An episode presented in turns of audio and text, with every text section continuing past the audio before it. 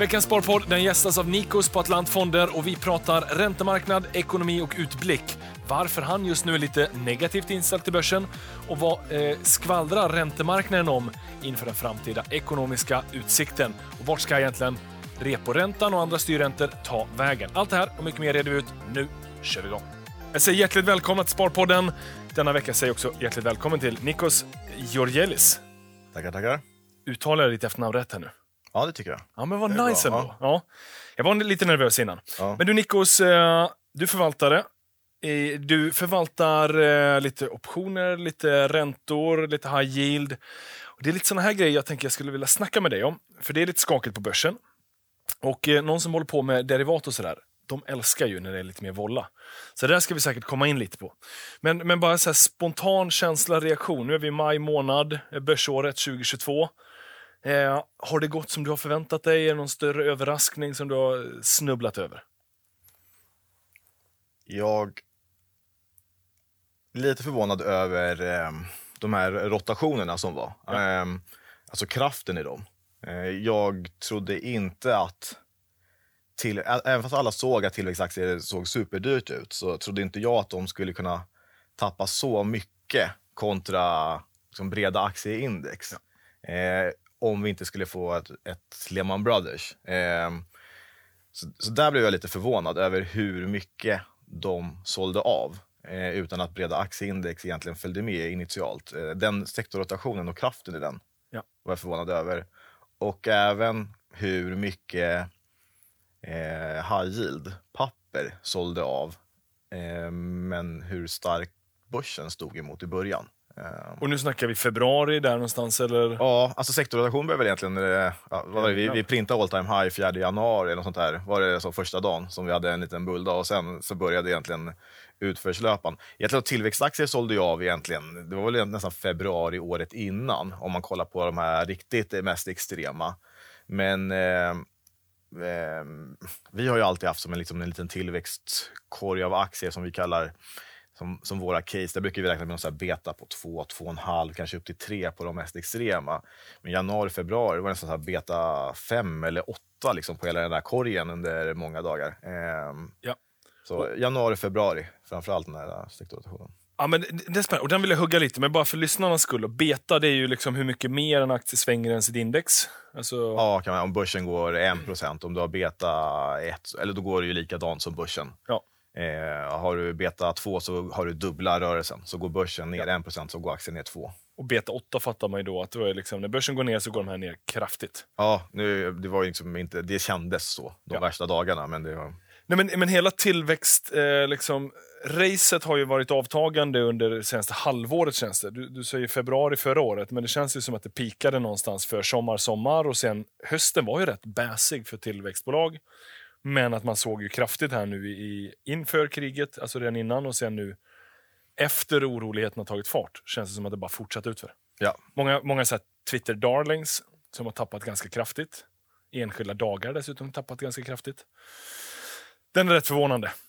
Alltså, det, känns, det känns ju sunt, för man satt ju och kollade på mycket av det där och förstod liksom inte de här uh, fantasivärderingarna på mycket. Jag trodde bara inte att den här, uh, ska man säga, den här fundamentalt eh, korrektionen som makes sense någonstans skulle kunna ske Nej. i ordnad form, om man ska säga.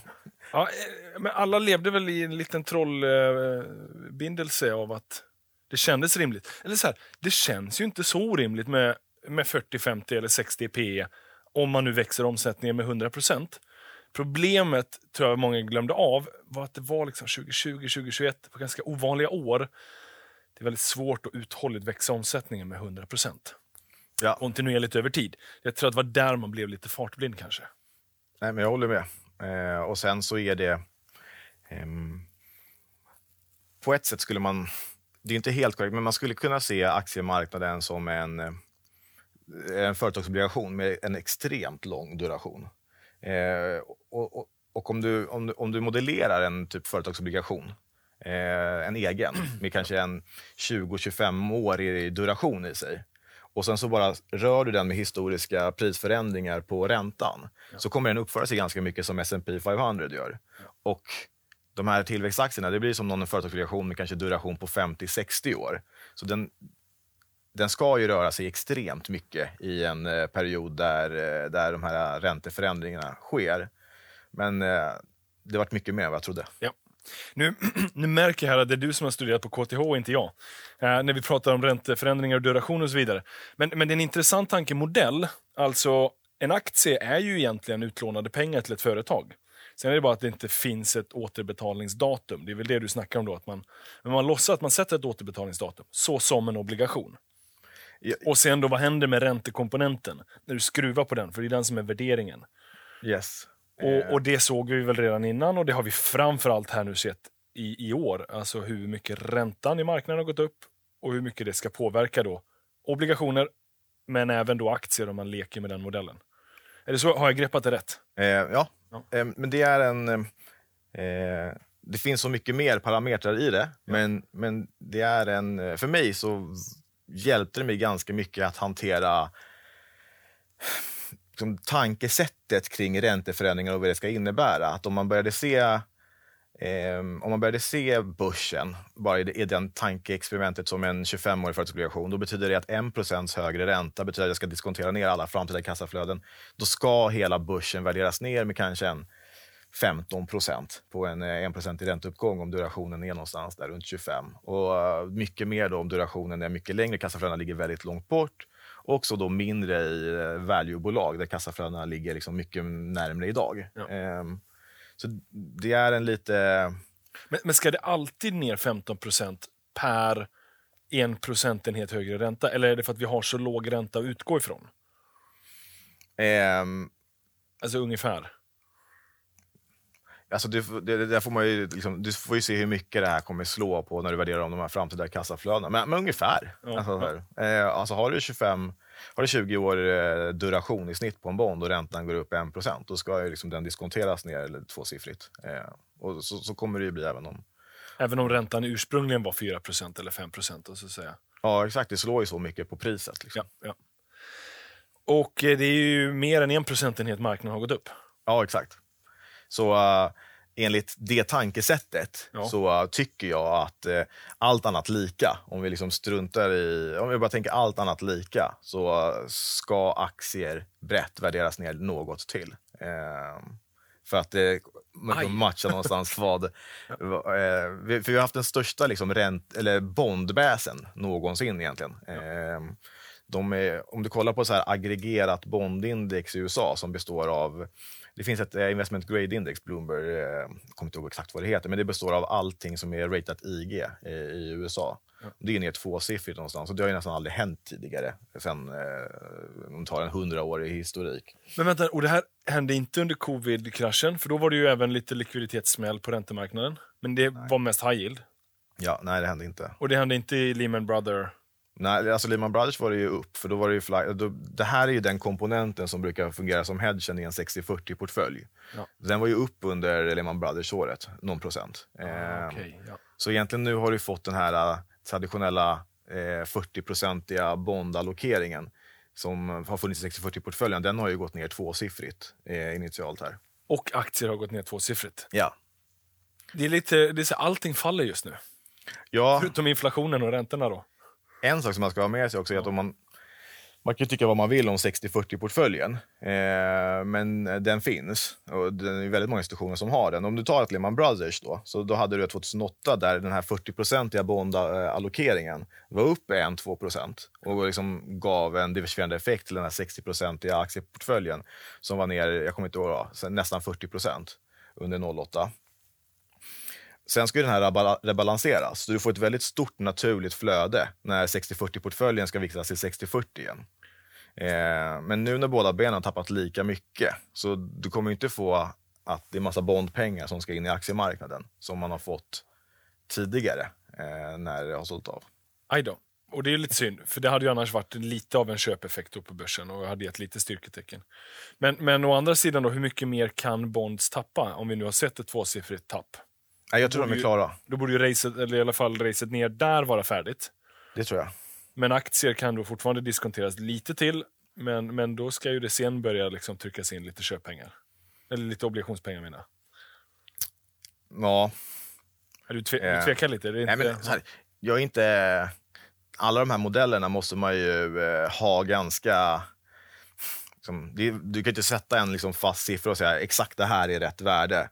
Ehm, så jag, men jag tycker att aktier skulle kunna gå ner lite till. Så att säga att på den ränteuppgången vi har haft så tycker vi någonstans att typ 1700-1900 kanske är fair value för OMX. Vi är inte så långt därifrån. Vi var ju där nere i, liksom i toppen på den rangen och så nu har vi gått upp lite. Men någonstans i det intervallet tycker vi att aktier skulle värderas till bara på vart räntan har handlat.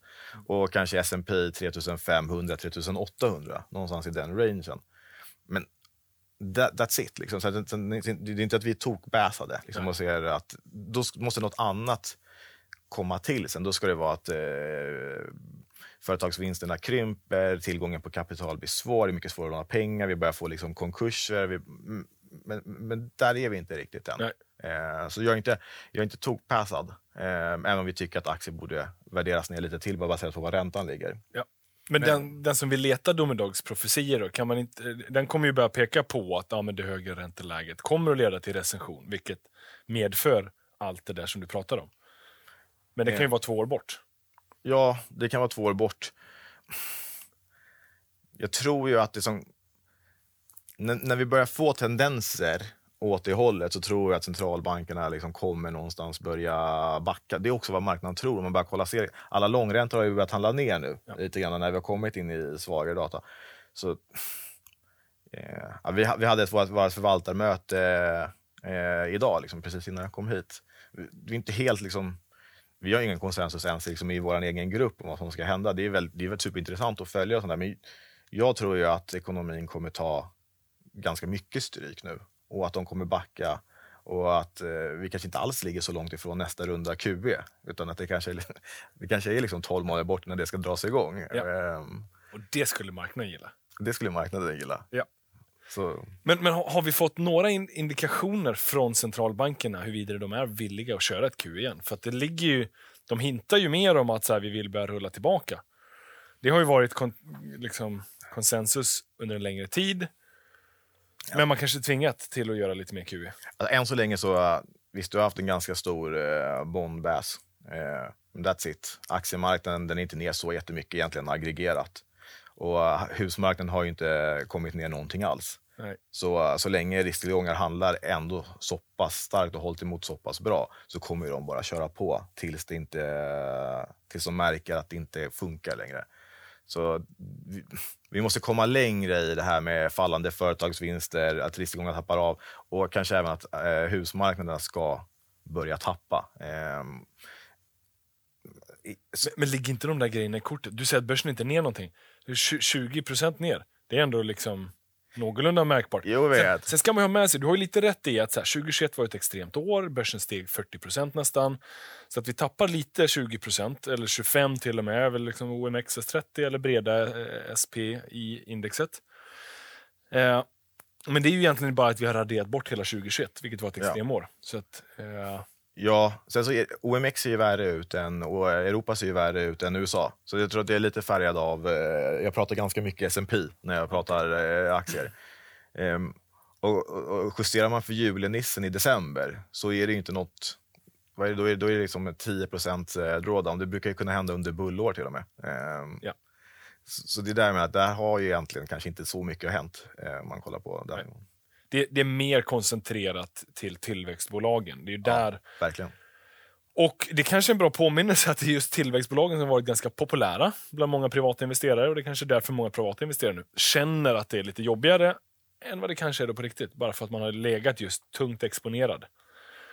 Eh, Kanske ett påminnelse om att riskspridning är ingen dum idé. Nej, och, och där ska jag... Alltså, min, min, min privata portfölj gör nog lika, har nog gjort lika ont som alla andras. Liksom. Ja. Men ändå skönt att höra att du är människa också. Ja. ja, så det är... Och, eh, jag tror att jag... Alltså privat så kom jag in med kanske säg 75% cash, 25% investerad. Jag är väl ner 20 i år. Så att, eh, att ta hög risk på de här investerade procenten kan göra riktigt ont också. Det räcker. Oj! Ja. Men och, eh, om jag bara fortsätter på det då, 70% kassa. Har du liksom använt någonting av den än? Eller är det fortfarande kassa? Nej, det är inklusive att snitta ner sig. Ja, Okej, ja. Ja. Så du har ändå du har, du har börjat köpa en del. Ja, jag har köpt... Eh, Och det har bara tappat ännu mer. ja, det var tappat ännu mer. Ja. Nej, Jag själv är ju liksom fullinvesterad över tiden. så, men det gör att man hänger med i både upp och nedgångarna. Så försöker man snitta ner sig bäst det går. Man får en månadslön, den kastar man in och så ser man hur den försvinner lika fort. Men eh, jag tror att det är ju här, man skapar ju de bästa köptillfällena i såna här ganska bäsiga perioder. Nu sitter ju vi, jag är ju nyfiken, för jag vet att du är jätteduktig och har näsan i marknaden och, och liksom jag, vill, jag vill försöka få ut så mycket som möjligt vad du tror och tänker. Och du har rätt bra insikter om, om räntemarknaden som jag inte har. Men sen personligen så tänker jag ju hela tiden, tänker ju kanske tre eller fem år bort och jag behöver inte ha de här pengarna jag stoppar in nu. Och jag tänker då, om fem år har väl börsen gått upp i alla fall. Alltså, givet att den har gått ner så ökar ju i alla fall eh, mitt avkastnings, min avkastningspotential ganska väl. Tänker jag, om nu börsen över tid snittar upp en 8% eller något sånt där. Är vi nu ner så borde det ju ge Ja. det och lite mer. Sen, Är är jag för naiv tror du? Eller vad? Jag behöver någon, någon anledning att övertyga mig själv att fortsätta månadsspara. så här, börsen snittar 8% historiskt liksom, över långa tidsperioder. Ja. Den, där, den där siffran ska man sätta i relation till vad riskfri ränta var under perioden. Så vi brukar säga börsen avkastar en eh, premie över riskfri ränta, brukar vi säga istället. Mm. Och eh, den har varit strax under 5% historiskt. Så om riskfri ränta är eh, noll, då ska man nog inte förvänta sig att börsen kommer snitta 8 procent. Då, då ska den kanske ligga någonstans runt 4,5 om man ser över en lång cykel. Ehm, så, så det är bara en sån här, jag får ofta när börsen snittar 8 procent varje år. Då säger vi, ja, men då hade du en riskfri ränta på 4 utan problem på ett konto.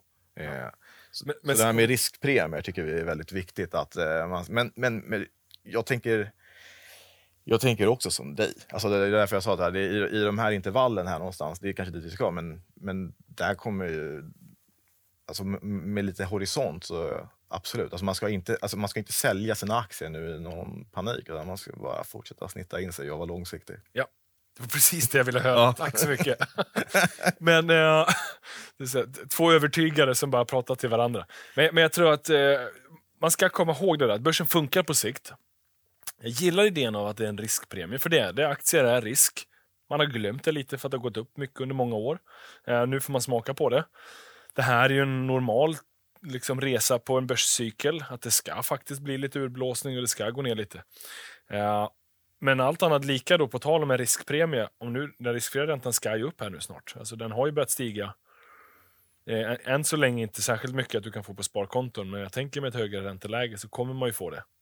Absolut, så är det. Och då, då ska ju för, liksom förväntansbilden av vad saker ska avkasta ska ju upp.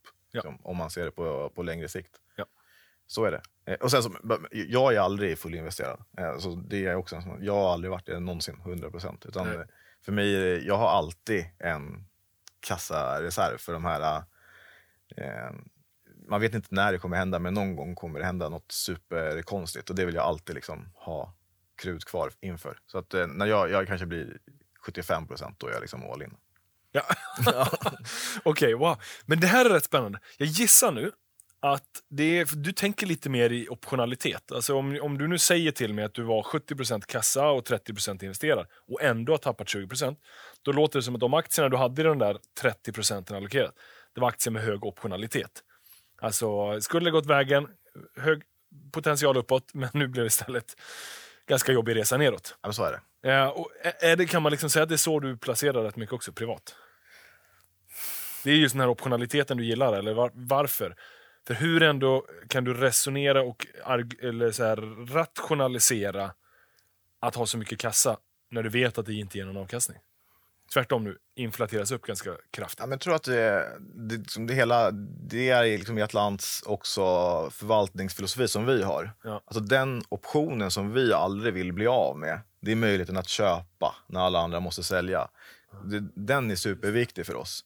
Ehm, exempelvis,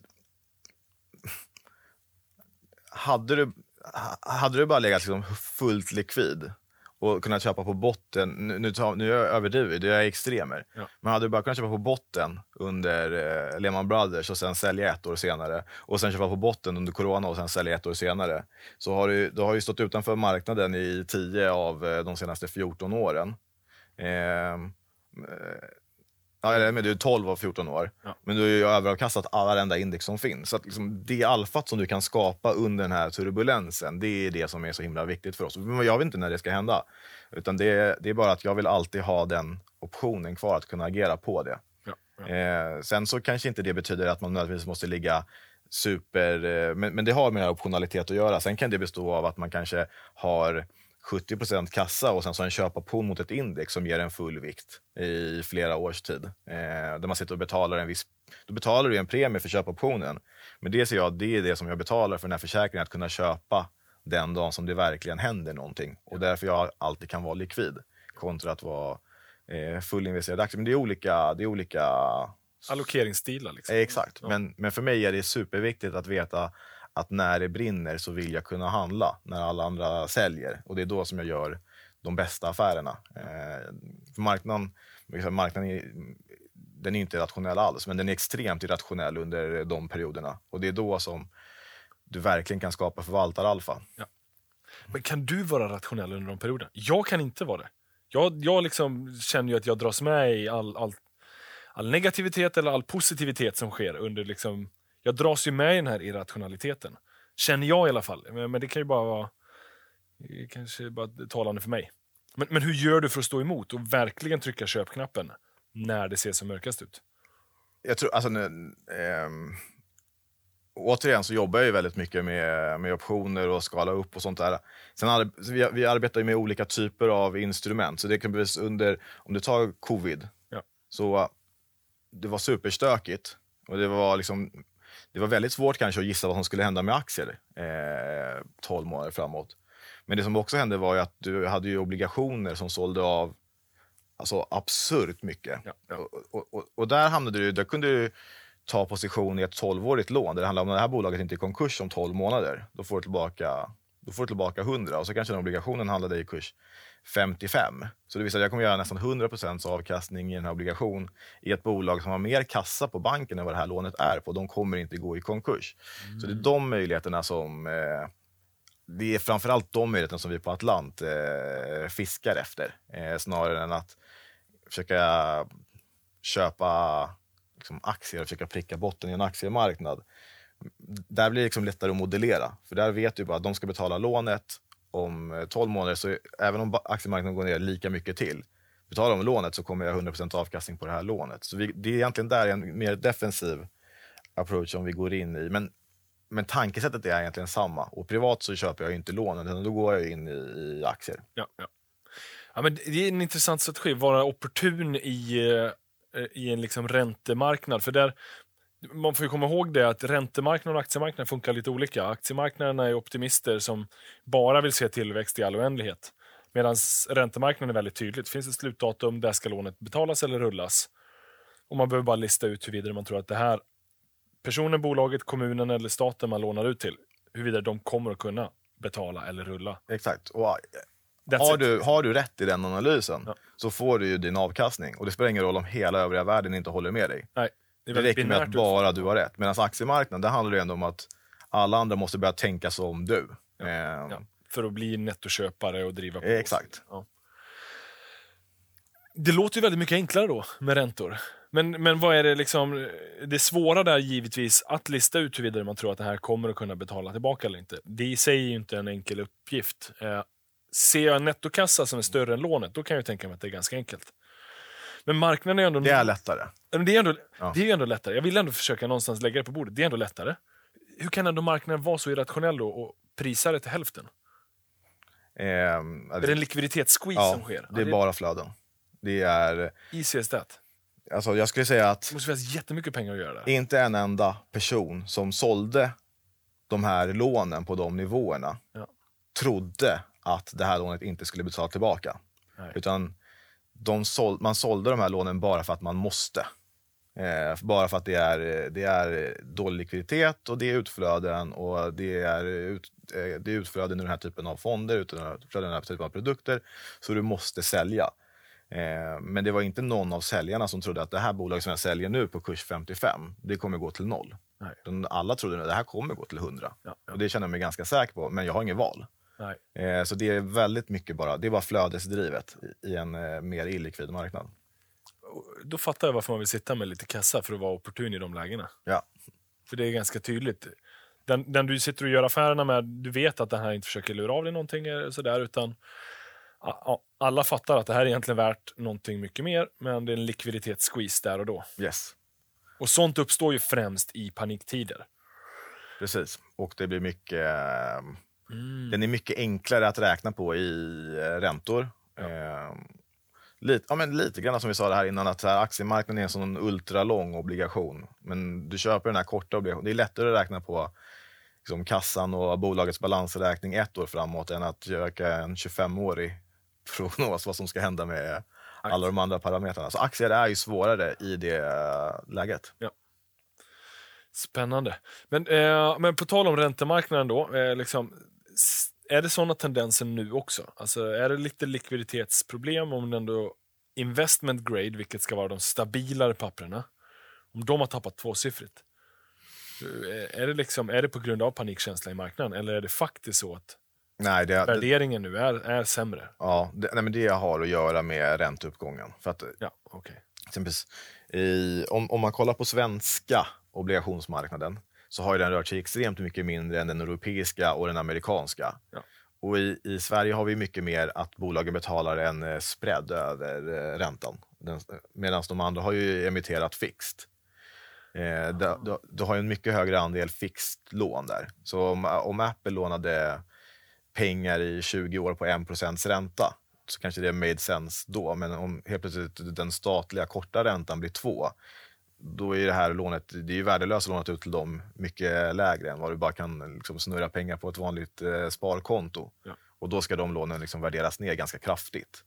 Och det är just det att de har så hög andel fixed i, de, i, i, i framförallt USA men även i Europa ja. som gör att de här marknaderna har tappat så pass mycket mer. Och det är ju bara för att ränteförändringen har skett. Okej, okay, det är ICS det. Ja, för i Sverige så brukar man ju prata om Ja, men om vi säger Volvo har, har lite obligationer så har de Stibor plus någon procentenhet. Exakt. Stibor har ju rört sig, så det är därför även svenska har gått ner. Men du vet att det alltid finns den här plus några procentenheter. Ja, men som i Sverige blir det mycket mer utsatt för eh, kreditspreadsförändringarna. Alltså ja. så här, eh, snarare en förändring av hur stor ska kreditspreaden utöver Stibor som Volvo ska behöva betala. Ja. Det är ju den som eh, slår mycket mer.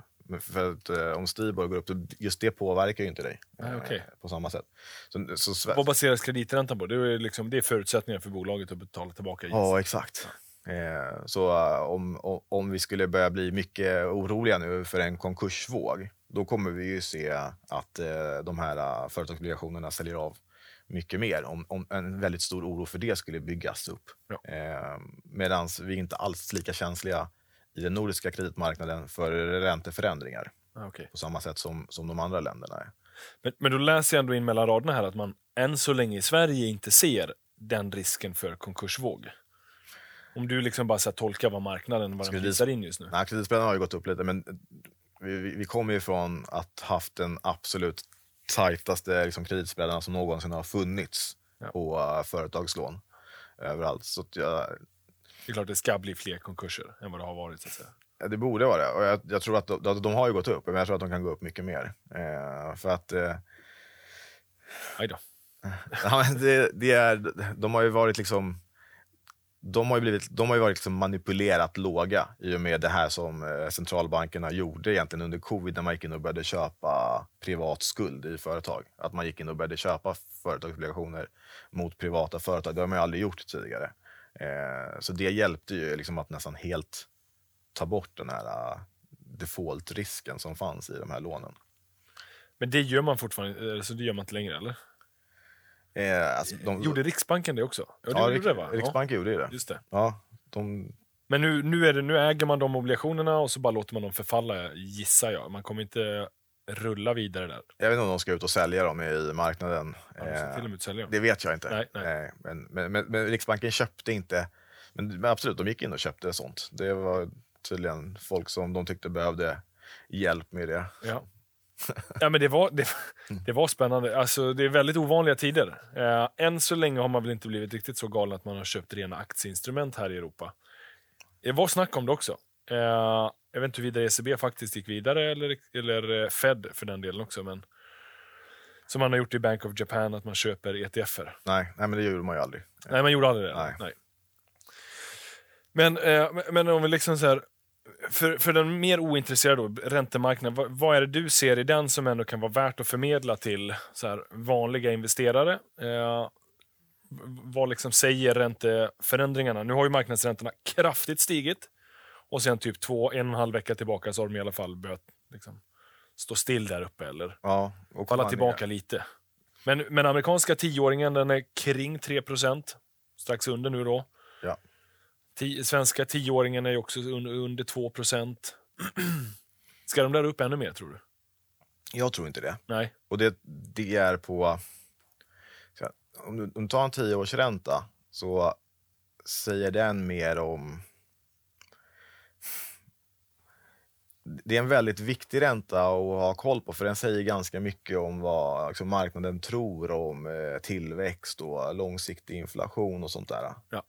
Ehm, och där säger väl marknaden nu att man om man bara ska kolla på de förändringar som sker så säger marknaden att de tror att vi ska få vi kommer ha inflation och ränteuppgångar nu med att sen ska räntorna gå ner för att ekonomin och tillväxten inte kommer finnas där. Det är det som en sån här inverterad kurva egentligen eh, säger. Ehm, när du får en sån här en, en inverterad kurva, det betyder alltså att korta räntan, kanske säg, tvåårsräntan, blir högre än tioårsräntan. Ja. Det marknaden egentligen säger då är att de de säger att det ska bli nödvändigtvis recession, men de säger att sannolikheten för en recession har ökat markant. Ehm, och därför är de viktiga att ha koll på. Och, och räntemarknaden är egentligen mycket, mycket viktigare att kika på för att få en känsla av ekonomin och hur den mår än eh, aktiemarknaden. Ehm, den leder liksom på ett sätt som är väldigt viktigt att, att förstå sig på. Men, men ha- har den börjat invertera ändå? Är tvååringen högre än tioåringen? Eh, den har väl hållit på och slagit lite grann där. Eh, Den är och dansar kring 3% också eller? Ja, Ja. absolut. Eh, i, i, inte den, eh, den amerikanska har ju Ja, varit ja, exakt. Ja, de har haft I Sverige helt- är det ju inte så. Eh, inte jag, alltså, Sverige är det ju ändå en stigande räntekurva, så du får mer betalt ju längre tid du lånar ut till svenska staten. Ja, Men det är inte sån markant skillnad på en fem och en tioåring i Sverige. Men, men tvååringen är ju markant lägre i alla fall. ja. Men eh, i USA så har väl, det har väl varit så nu i några månader nästan att den är helt flack, kurvan mellan och löptiderna två till tio år. Liksom. Så att, Just det. Så då säger marknaden någonstans att ja, men här eller i närområdet så har inflationen pikat ut. Eh, De här styrräntorna som centralbankerna håller på med. De ska upp, men inte upp så mycket mer. Eh, Och Det kan ju sig då leda till att företagsvinsterna krymper eller minskar i alla fall i tillväxttakt. Och, ja, det, är inprisat ganska många höjningar liksom, Ja. i fronten. Eh, men det är för att de är så ganska långt ifrån marknadsräntan. Absolut. Ska de upp till marknadsräntan, det är väl det, alltså, Ja, men det, det- det finnas en rimlighet i att de ska. Ja, men det tror ju marknaden, för annars skulle den inte ligga där. Nej. Ehm, men sen så då när vi ser nu att eh, långräntan ändå börjar tappa lite. Det kommer ju från att vi har få, börjat få ja, men lite mer oron för konjunkturen som har kommit. Liksom nu. Att man, man, börjar, man börjar se liksom, eh, att inflationen ska skada konsumenten, att eh, företagsvinsterna ska börja krympa. Och, ja, men det här liksom, mer in i en stagflation och recession. Och att den sannolikheten har byggts upp. Det är därför långräntan kommer ner. Ja. Och det är det den säger. Och vad är din känsla då? Du sa tidigare, marknaden är sällan rationell. Är den rationell nu eller tro, tror du att det kommer att bli mer recension? Eller tror du att det kan finnas lite ljusglimtar? En Spontan tanke är ju bara så här, hela Kina har ju gått ganska så hårt ut mot covid, alltså nolltolerans, stänger ner fortfarande lockdowns, fortsatt ganska mycket problem i, distributionskedjorna. Vad händer om de där knutarna löses upp? finns ju en underbyggd efterfrågan. Absolut. Ehm, Det skulle ju kunna vara en Jag booster. tror, att vi är, jag tror att vi är någonstans vid eh, peak inflation. Eh, men att, alltså, även fast den kommer komma ner så kommer den vara kanske högre än vad man vill ha. Den kommer nog ligga över 2% målet. Så även om, alltså, även om den skulle ramla ner tillbaka till 3 så är det en hög inflation om man kollar liksom senaste en väldigt lång period tillbaka. Ja. Så vi kommer nog, så att jag tror att den, den kommer inte ligga så här högt. Den kommer komma tillbaka men den kommer fortfarande vara hög. Eh, Då måste de höja räntan tills vi har nått. Liksom. Ja, så kommer de höja. Det som...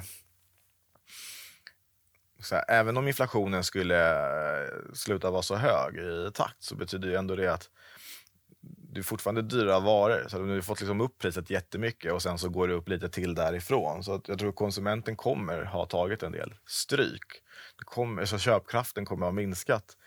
Eh, alltså bolånen kommer ju kosta tre, fyra gånger mer än vad de gjorde innan. Eh, du kommer ha en, alltså även en, energi, även, även om den skulle komma ner lite så är det mycket dyrare än vad det var för två år sedan. Och det, kommer, det kommer vara dyrt och det kommer vara dyrt att tanka bilen och det kommer vara dyrt att värma eh, huset. Och sen så kommer fortfarande vara liksom, massa varor och grejer som har blivit dyrare och mat är dyrare. Så jag tror konsumenten är skadad.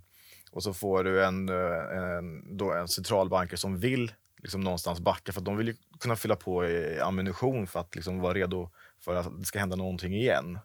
Eh, så jag tror att de kommer inte, de kommer inte sluta nu innan det går sönder.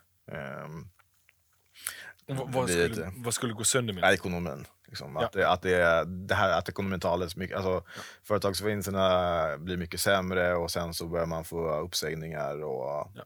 Och, så, och, så, får du det i en höginflationmiljö. Eh, så måste de, då kommer de kanske vara tvungna att säga att Nej, men nu måste vi försvara ekonomin mycket mer än, än kriga mot inflationen. Ja. Eh, och då sänker de räntorna eller är mer liksom, aggressiva med QE eller någonting sånt.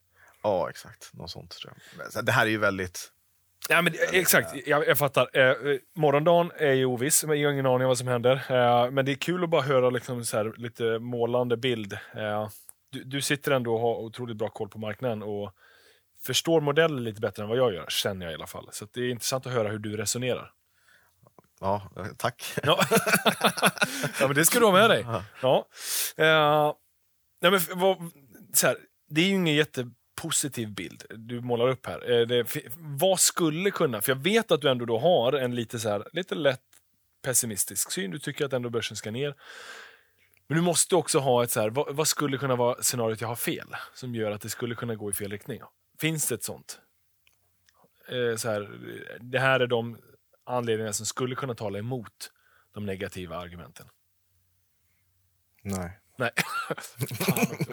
det är ju lite synd. Alltså, är... jag, jag, kan hitta argument för att eh, kanske risktillgångar ska upp igen. Och det är väl ja. egentligen att vi nästan har sönder så mycket och att vi sen bara helt byter fot och massa nya stimulanser och sånt där. Ja. En andra våg.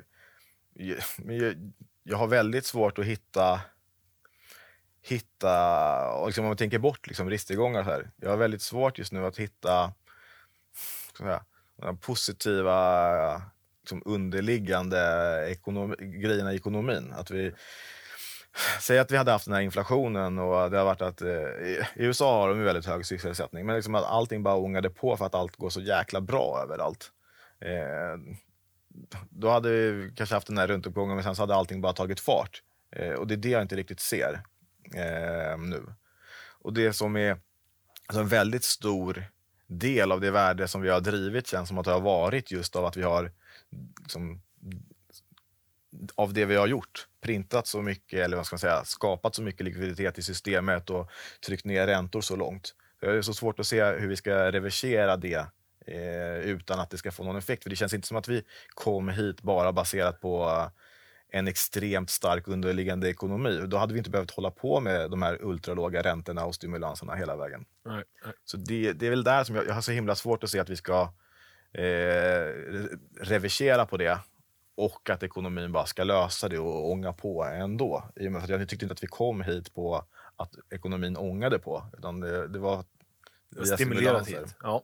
Nej, men, eh, fair point, jag ser ju poängerna. Eh... Men jag kommer säkert ha helt fel. Nej, men, Nej, men du, du har ju säkert rätt. Du, du, och, eller du har rätt i att du... Så här, det här är ju den vägen man ser. Man, man kan ju ganska logiskt fatta att det har varit en dopad ekonomi. Eh, även innan covid, men framförallt under covid och efter.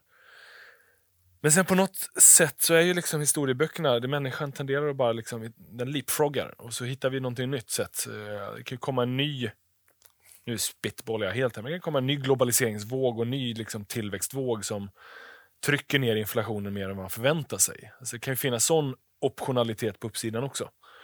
Ja, jag ser bara inte Som- det i... alltså, men- Men man ser inte det i den tydliga vägen framåt. nej. Men det är ju... Eh, Alltså på ultralång sikt så är jag ju superbullad. Ja. Eh, men eh, exempelvis,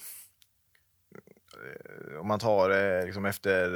Eh, alltså, du har ju haft perioder liksom, där vi har haft ganska eh, dåligt sentiment för risktillgångar under ganska långa perioder. Eh, så, alltså 30, efter 30-talet, det var inte, det var liksom inte, det var inte halleluja att sitta på risktillgångar. Det var ju nästan så här två decennium som det inte lönade sig att maxbelåna boendet och bara växla upp hela vägen. Utan, eh, det var ju fallande eh, priser där hela tiden. Eh, och, ja. Men, eh, men jag, alltså jag, är också, jag är också positiv på lång sikt. Ja. Men, Ja. Det kan man alltid säga, men du, du sa också i meningen före att du typ förväntar dig två decennier med lite tråkigare ekonomi. Det, det kan du ändå inte... nej, jag kan se, jag kan se, eh, jag har inte noll sannolikhet för det. Nej. Så kan man säga. Nej. nej, men det ska man ju inte ha. Nej. Alltså, här har du utfallet hur verkligheten och framtiden kan utvecklas. Så att, absolut finns det med någonstans i tänkbara scenarion. Men det jag menar är ju lite också att här har vi alla de historiska utfallen. Och ibland så liksom tenderar framtiden att bara bjuda på någonting nytt som vi ännu inte har sett. Det kan vara både värre eller bättre än vad vi inte någonsin upplevt tidigare. Nej. Det återstår att se. Nu blir vi nästan lite filosofiska här. Men eh, det är lite kul ändå att ha med någon som, som är lite mer nykter, lite mer liksom, eh, dämpad, lite mer, inte supernegativ, men inte lite lätt negativ eh, för vad som skulle kunna komma hända framöver. Eh, jag vill ändå fortsätta vara optimistisk. Jag kommer att fortsätta månadsspara. Sen får Ja, vi se hur lång alltså, tid det- det krävs och hur mycket det hur många nedgångar jag behöver se innan det börjar vända uppåt. Men jag tänker att det, Alltså så länge jag har lön bra- kan man vara nettoköpare. Alltså bra bolag kommer alltid vara bra bolag. Ja. Och så kommer det vara liksom i alla mm, miljöer. Liksom. Så Ja. att, eh, Det var även ett gäng bolag som steg under 30-tal, 40-tal. ja, absolut. Så det kommer alltid finnas liksom en innovationskraft och folk som är duktiga på att hitta produkter som man behöver. och sånt där. Så att det, det kommer ju absolut finnas bra möjligheter liksom, i att liksom, allokera pengar mot saker som kommer gå bra. Ja. Eh, Bra. Det var ändå lite mer positivare ton vi kan avsluta den här podden med. Du, Nikos, eh, tiden flyger iväg när man har kul. Eh, Ja. Stort tack för att du kom hit till Sparpodden och bjöd på otroligt intressanta resonemang. Okej, tack. Och tack till er som har eh, lyssnat. Ni vet att vi ses och hörs igen nästa vecka. Ciao! Ciao.